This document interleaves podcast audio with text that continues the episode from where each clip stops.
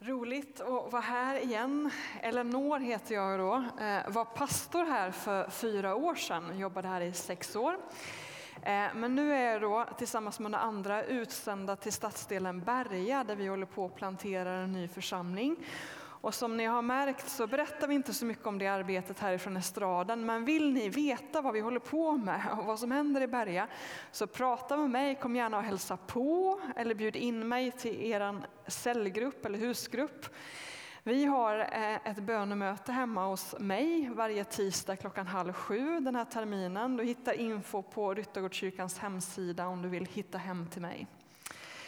Så eh, välkomna eh, på bön be, vara med och be för Berga. Idag är det ju då palmsöndag, den dag som inleder den här stilla veckan, den heliga veckan, påskveckan. Dagen då vi minns hur Jesus red in i Jerusalem på en åsna och blev mottagen som Messias, den kommande konungen. Och vi ska istället den här dagen fokusera på en händelse som, som skedde precis innan det här. Alltså det som hände dagen innan Jesus red in i Jerusalem. Eh, så vi liksom kan tänka på den här händelsen i rätt ljus. Mm. Och jag ska läsa från Johannes evangeliet kapitel 12. De första verserna där och kommer upp på väggen också. Står det så här. Sex dagar före påsken kom Jesus till Betania där Lazarus bodde.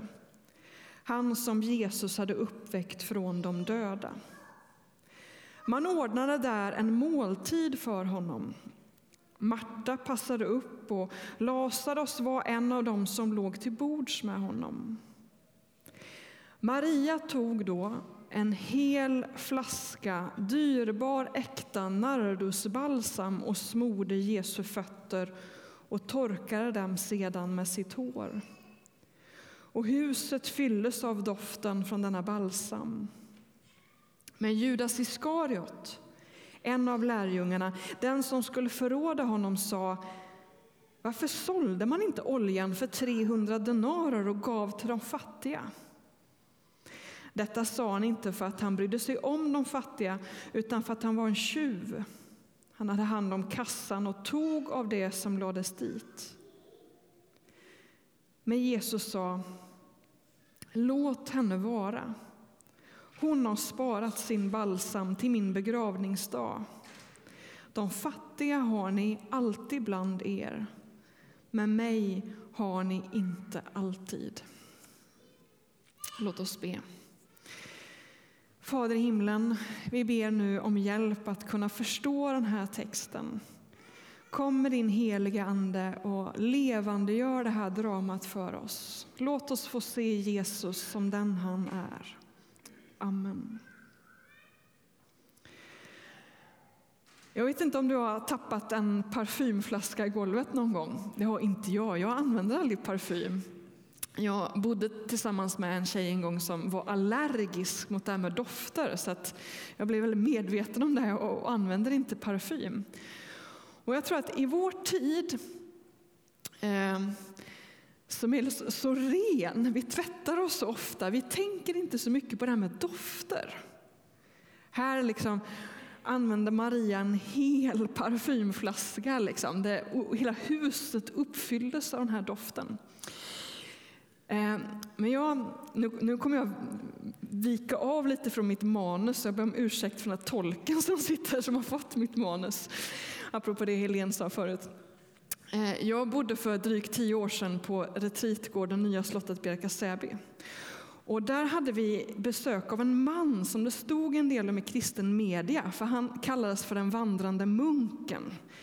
Han var psykotisk, vilket han var öppen med, men hade gått in i någon slags profetroll och så var han klädd i en säck så här. Och så gick han till olika kyrkor och liksom manade folk till enkelhet och fattigdom och så kastade han aska på folk. Han var inte här, han var i Pingstkyrkan här istället i stan. Och sen vandrade han då vidare till nya slottet Bjärka Säby där han bodde med oss i alla fall en dryg vecka. Vi erbjöd honom husrum men han ville istället bo i vår fårhage. Så han bodde tillsammans med fåren i en vecka och ville inte tvätta sig. Han levde det här enkla livet utomhus. Och så deltog han i vårt gudstjänstliv, bland annat i den här ökenmässan som vi hade på Bjärka då, som var två timmar lång, ett ganska litet rum. Och sitta då tillsammans med någon som bor med får. har bott med får en hel veckan. Då blir man väldigt tacksam för det här med rökelse. Som vi använder då. Och det var som att poletten trillade ner. Liksom. För på den tiden, eller sen innan, så, så luktade ju folk får allt möjligt och få komma till kyrkan och få kliva in i det här rökelsemolnet. Vad fantastiskt. Det behöver inte vi, för alla har duschat innan de gick hit.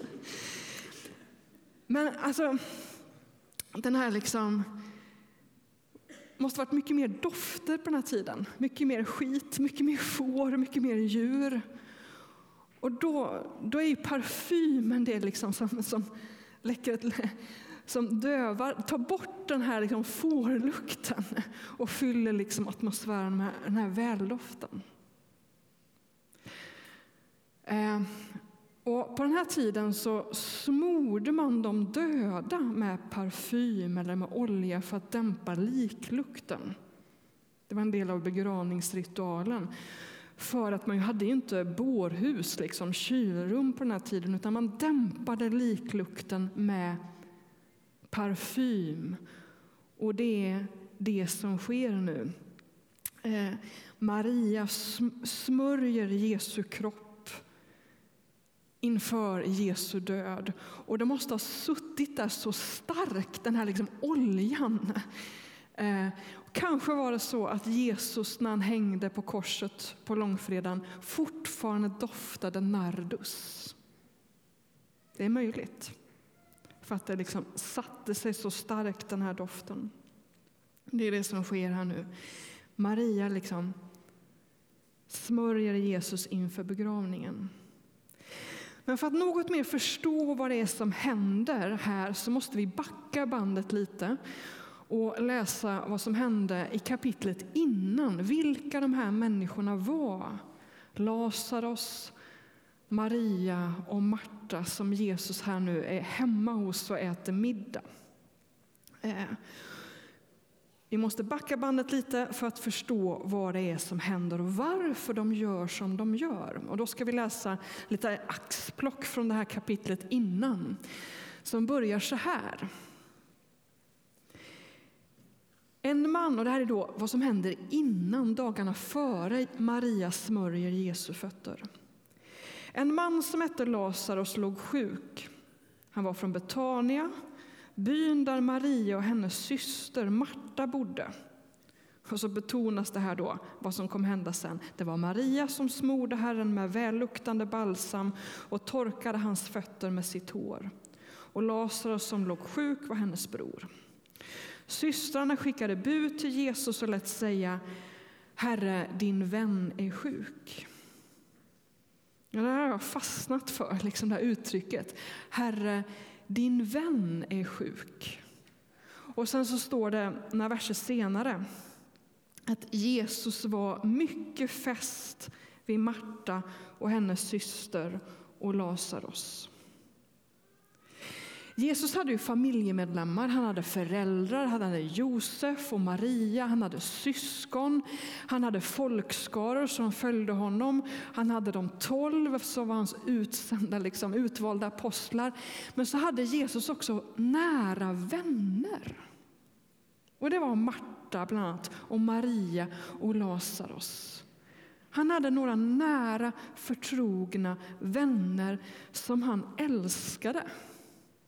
Och då är ju frågan, älskar inte Jesus alla människor? Är det så att han älskar de här lite mer? Är det så att Jesus har liksom speciella förtrogna? Och jag tänker att vi spar den frågan till lite senare. Vi bara liksom noterar detta. Jesus var, hade, hade ett speciellt förhållande till de här tre syskonen enligt den här texten. Och vid den här tidpunkten när de skickar bud då till Jesus och säger att Lazarus är sjuk, då vilar det ett dödshot över Jesus. Eh, framförallt i Jerusalem. Där finns de ledare som vill låta avrätta Jesus, som ser honom som en fiende. Och Betania, där de här liksom syskonen bor, ligger bara en halvtimmes väg därifrån. Så att apostlarna, de tolv, tycker inte att Jesus ska gå dit, för det är för farligt. På den här tiden så hänger liksom Jesus på landsbygden. Han, han, han vågar inte närma sig Jerusalem, det är för farligt.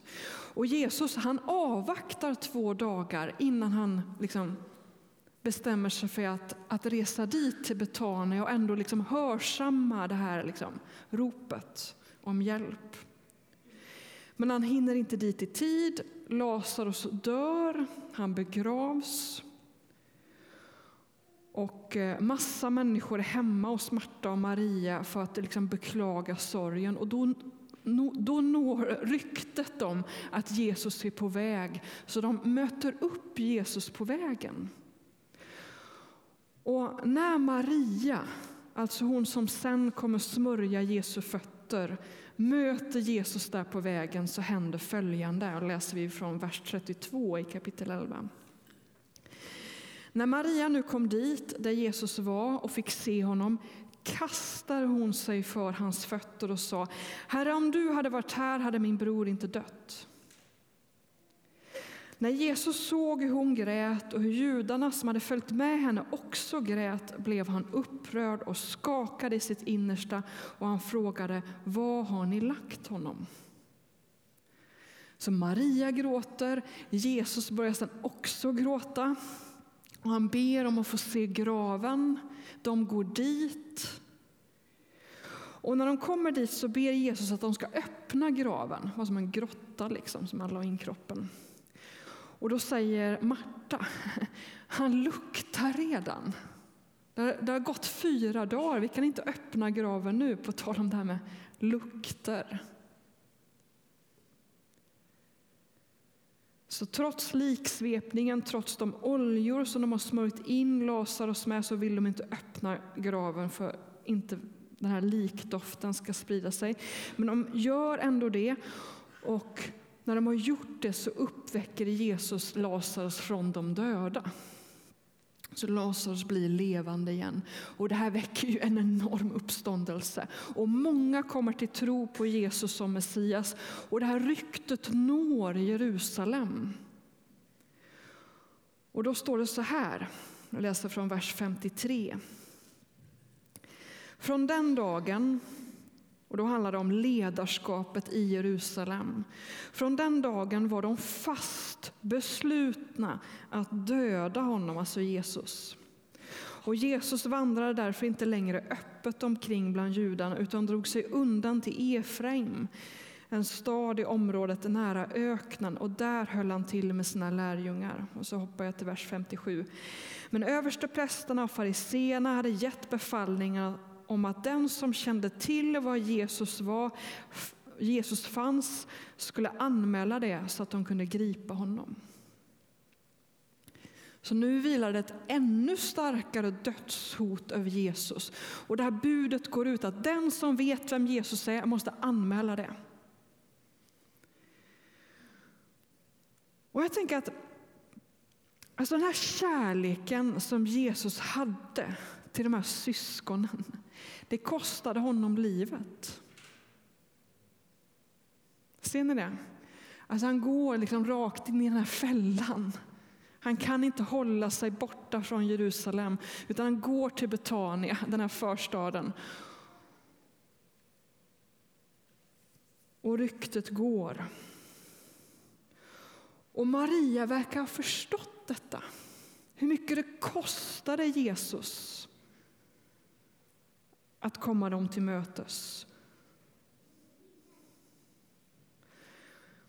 Och därför smörjer hon Jesu fötter som en förberedelse för hans begravning. Och när jag läst den här texten så har jag kommit att tänka på Abbas.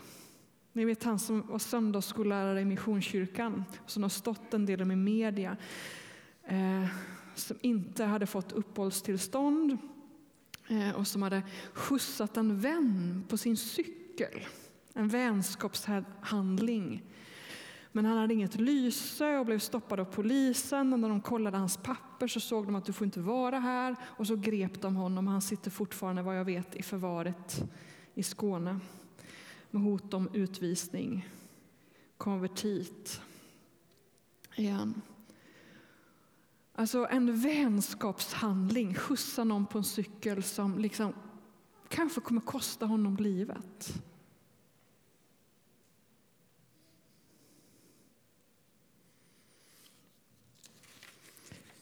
Och så var det för Jesus. Han älskade de här tre personerna. Han kunde inte hålla sig borta. Han visste att det var farligt. Han gick ändå dit. Och Maria uttrycker sin tacksamhet.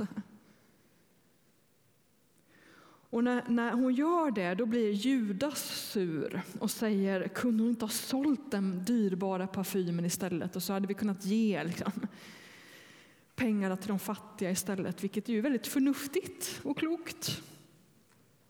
Och då säger Jesus de här orden, vers 7-8. Låt henne vara. Hon har sparat sin balsam till min begravningsdag. De fattiga har ni alltid bland er, men mig har ni inte alltid. Och I en, I en bibelkommentar som jag läst till den här, inför den här predikan så, så var någon som formulerade sig så här. Den här dagen är Jesus den fattigaste mannen i Betania.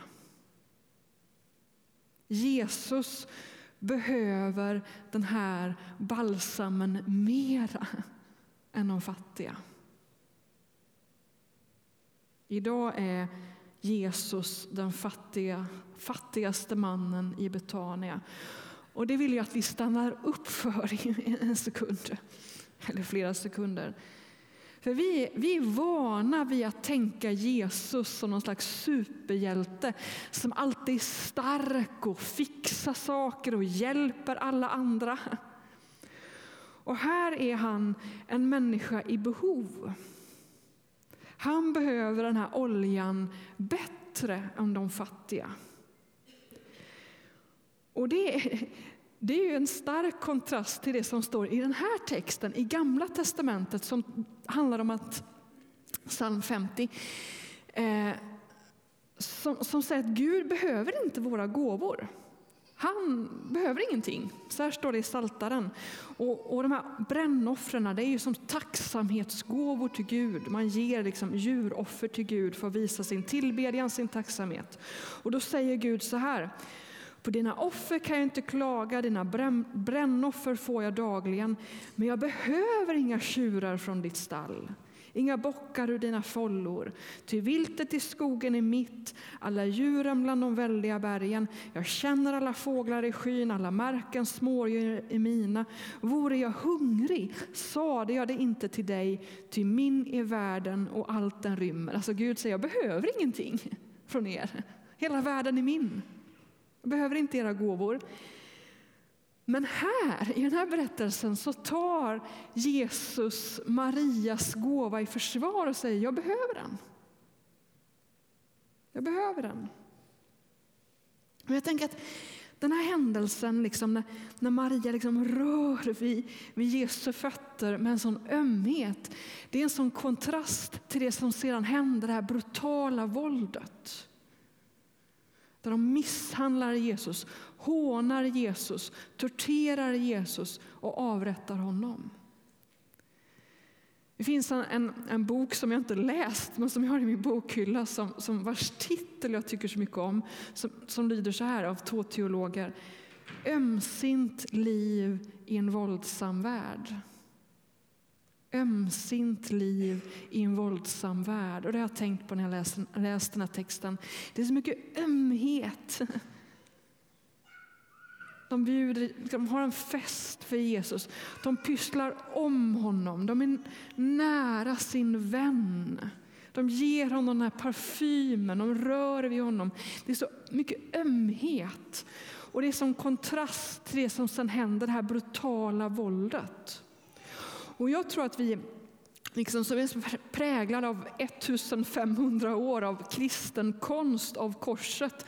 Så något, liksom, någonting vackert och trumfetoriskt. Och liksom, att vi ser inte hur, hur, hur, hur, brutalt och hur förnedrande det är som sen händer.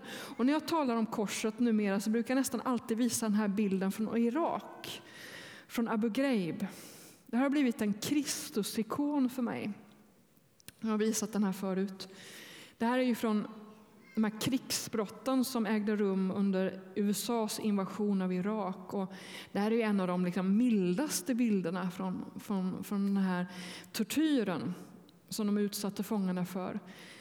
Ser ni att det liknar en sån här, de här gipsstatyerna som man ofta ser i kapell? Liksom Jesus står på någon piedestal med utsträckta armar. Det är en man som en huva för, hu, över huvudet och en mantel liksom, och så elkablar kopplade till kroppen och står på en låda. Och, eh, han stod där jättelänge och de sa till honom om du liksom ramlar ner från den här lådan så kopplar vi på elen. Och till slut så svimmar han. Gud stiger ner, rakt ner i den här förnedringen, i den här skammen i den här brutaliteten. Ömsint liv i en våldsam värld.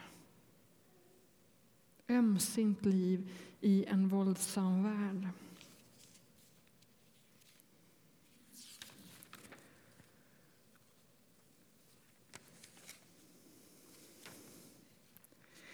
Tillbaka till den här frågan Älskar inte Jesus alla människor lika mycket? Det är ju så här att man, man orkar ju inte ha hur många vänner som helst. Man kan inte vara förtrolig med hur många som helst.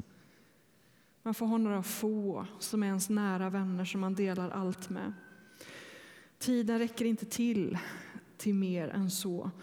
Och jag tänker att det var så för Jesus när han vandrade här på jorden. Han var en människa, hans tid räckte inte till och han behövde nära vänner.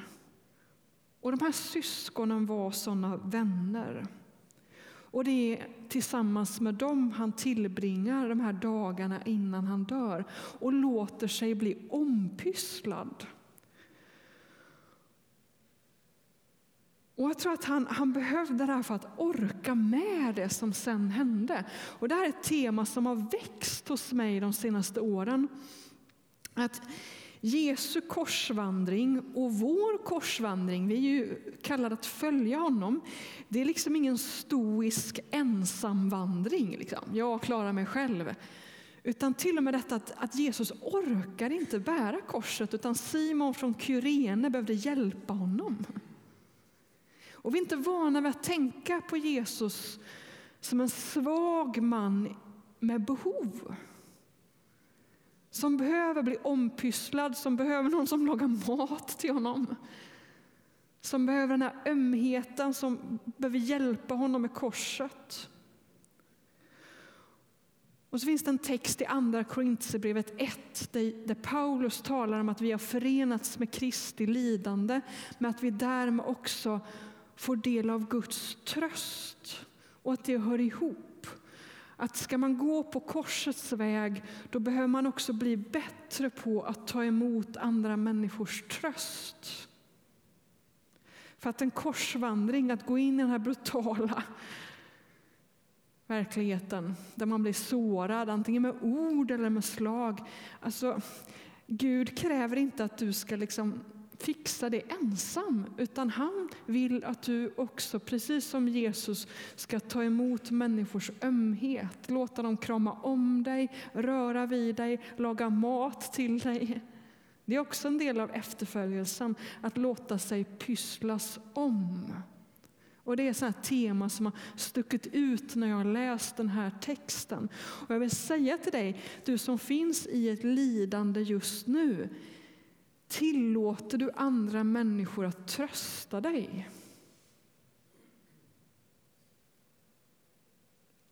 Tillåter du andra människor att pyssla om dig? Eller är det den här liksom, jag ska klara mig själv?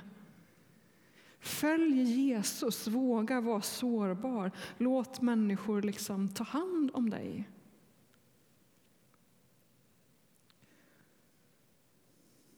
Tillbaks till den här frågan. Älskar inte Jesus alla människor lika mycket? Efter den här händelsen så rider han ju in i Jerusalem och de viftar med de här palmkvistarna. Och sen i Johannes 12 så kommer en slags utläggning när Jesus liksom berättar och tolkar vad, vad som nu kommer ske. Där har vi de här orden om vetekornet som faller i jorden. Men så säger han också så här, vers 31. Nu faller domen över denna världen. Nu ska denna världens härskare fördrivas. Alltså det här är någon slags seger över ondskan som ska ske genom korset. Och när jag blir upphöjd från jorden ska jag dra alla till mig. Detta sa han för att ange på vilket sätt han skulle dö. Johannes evangeliet är väldigt annorlunda jämfört med de andra evangelierna och beskriver korset på ett väldigt märkligt sätt. Beskriver korset som en upphöjelse och nästan som en himmelsfärd och ett sätt som kröner Jesus till kung som förhärligar honom.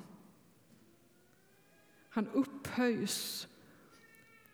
Och Innan sin himmelsfärd, innan sin upphöjelse, så kunde Jesus bara vara på en plats i taget. Han var begränsad. Han kunde inte möta alla människor. Han hade liksom en liten krets av nära förtrogna. Men nu när han har stigit upp till himlen, som ju inte är en geografisk plats ute i rymden, utan en annan dimension helt nära vår, så kan Jesus vara nära varje människa. Genom sin upphöjelse så kan han vara varje människas närmaste vän.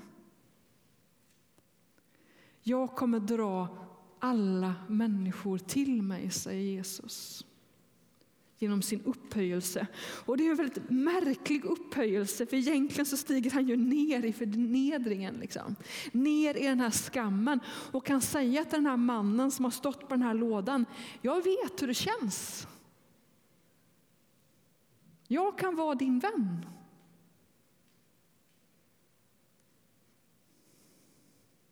Märklig konung. Liksom som kan säga det. Jag har varit på gatan, jag har varit i våldet, jag har varit hånad, jag vet.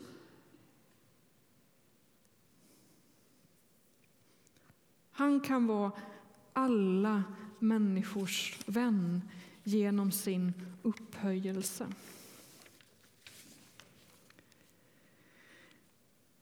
Till sist nu då. Den här berättelsen är ju väldigt fysisk. Liksom. Maria rör vid Jesu fötter. Och jag vill inbjuda dig nu, den här liksom stilla veckan, heliga veckan, påskveckan, att gå in i de här berättelserna genom din fantasi. Det är ju ett sätt att liksom meditera med bibeltexter, att liksom kliva in i dramat, göra som en liten film i sitt eget huvud, vara någon av karaktärerna och testa hur det känns. Att vara Maria som rör vid Jesu fötter. Hur känns det? Det är idag. Och så fortsätter ju dramat. Vi har på torsdag när rollerna blir de omvända, där Jesus rör vid sina lärjungars fötter och tvättar dem med vatten och torkar dem med en handduk. Och det levandegörs ju här i skärtorsdagsgudstjänsten där man får möjlighet att få sina fötter tvättade. Ta emot den här trösten. Var här på torsdag och, och testa hur det känns att vara någon i behov Tillåt någon att röra vid dig. Och fortsätt sen vid långfredagen och stå vid korset. Rör vid honom. Liksom, känn den här lilla nardusdoften som kanske finns där fortfarande. Mitt i den här liksom, våldets odör. Och kom hit på söndagen vid graven och se vad som händer. Alltså gå in i dramat. Och kom ihåg detta. Att Jesus behöver dig som sin vän. Han vill ta emot dina gåvor. Han vill bli ompysslad av dig. Ta emot din kärlek. Och kom ihåg det omvända. Att han vill trösta dig och han vill att du ska ha nära vänner som kan bjuda dig på middag, som kan röra vid dig. Vi behöver varandra. Jesus behöver oss, vi behöver honom. Vi är hans vänner. Låt oss be.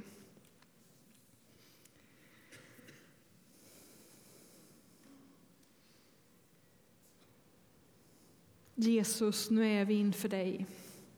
Vi ber, låt oss få röra vid din kropp. Och vi ber, rör vid våra kroppar. Hjälp oss att leva det ömsinta livet mitt i en våldsam värld.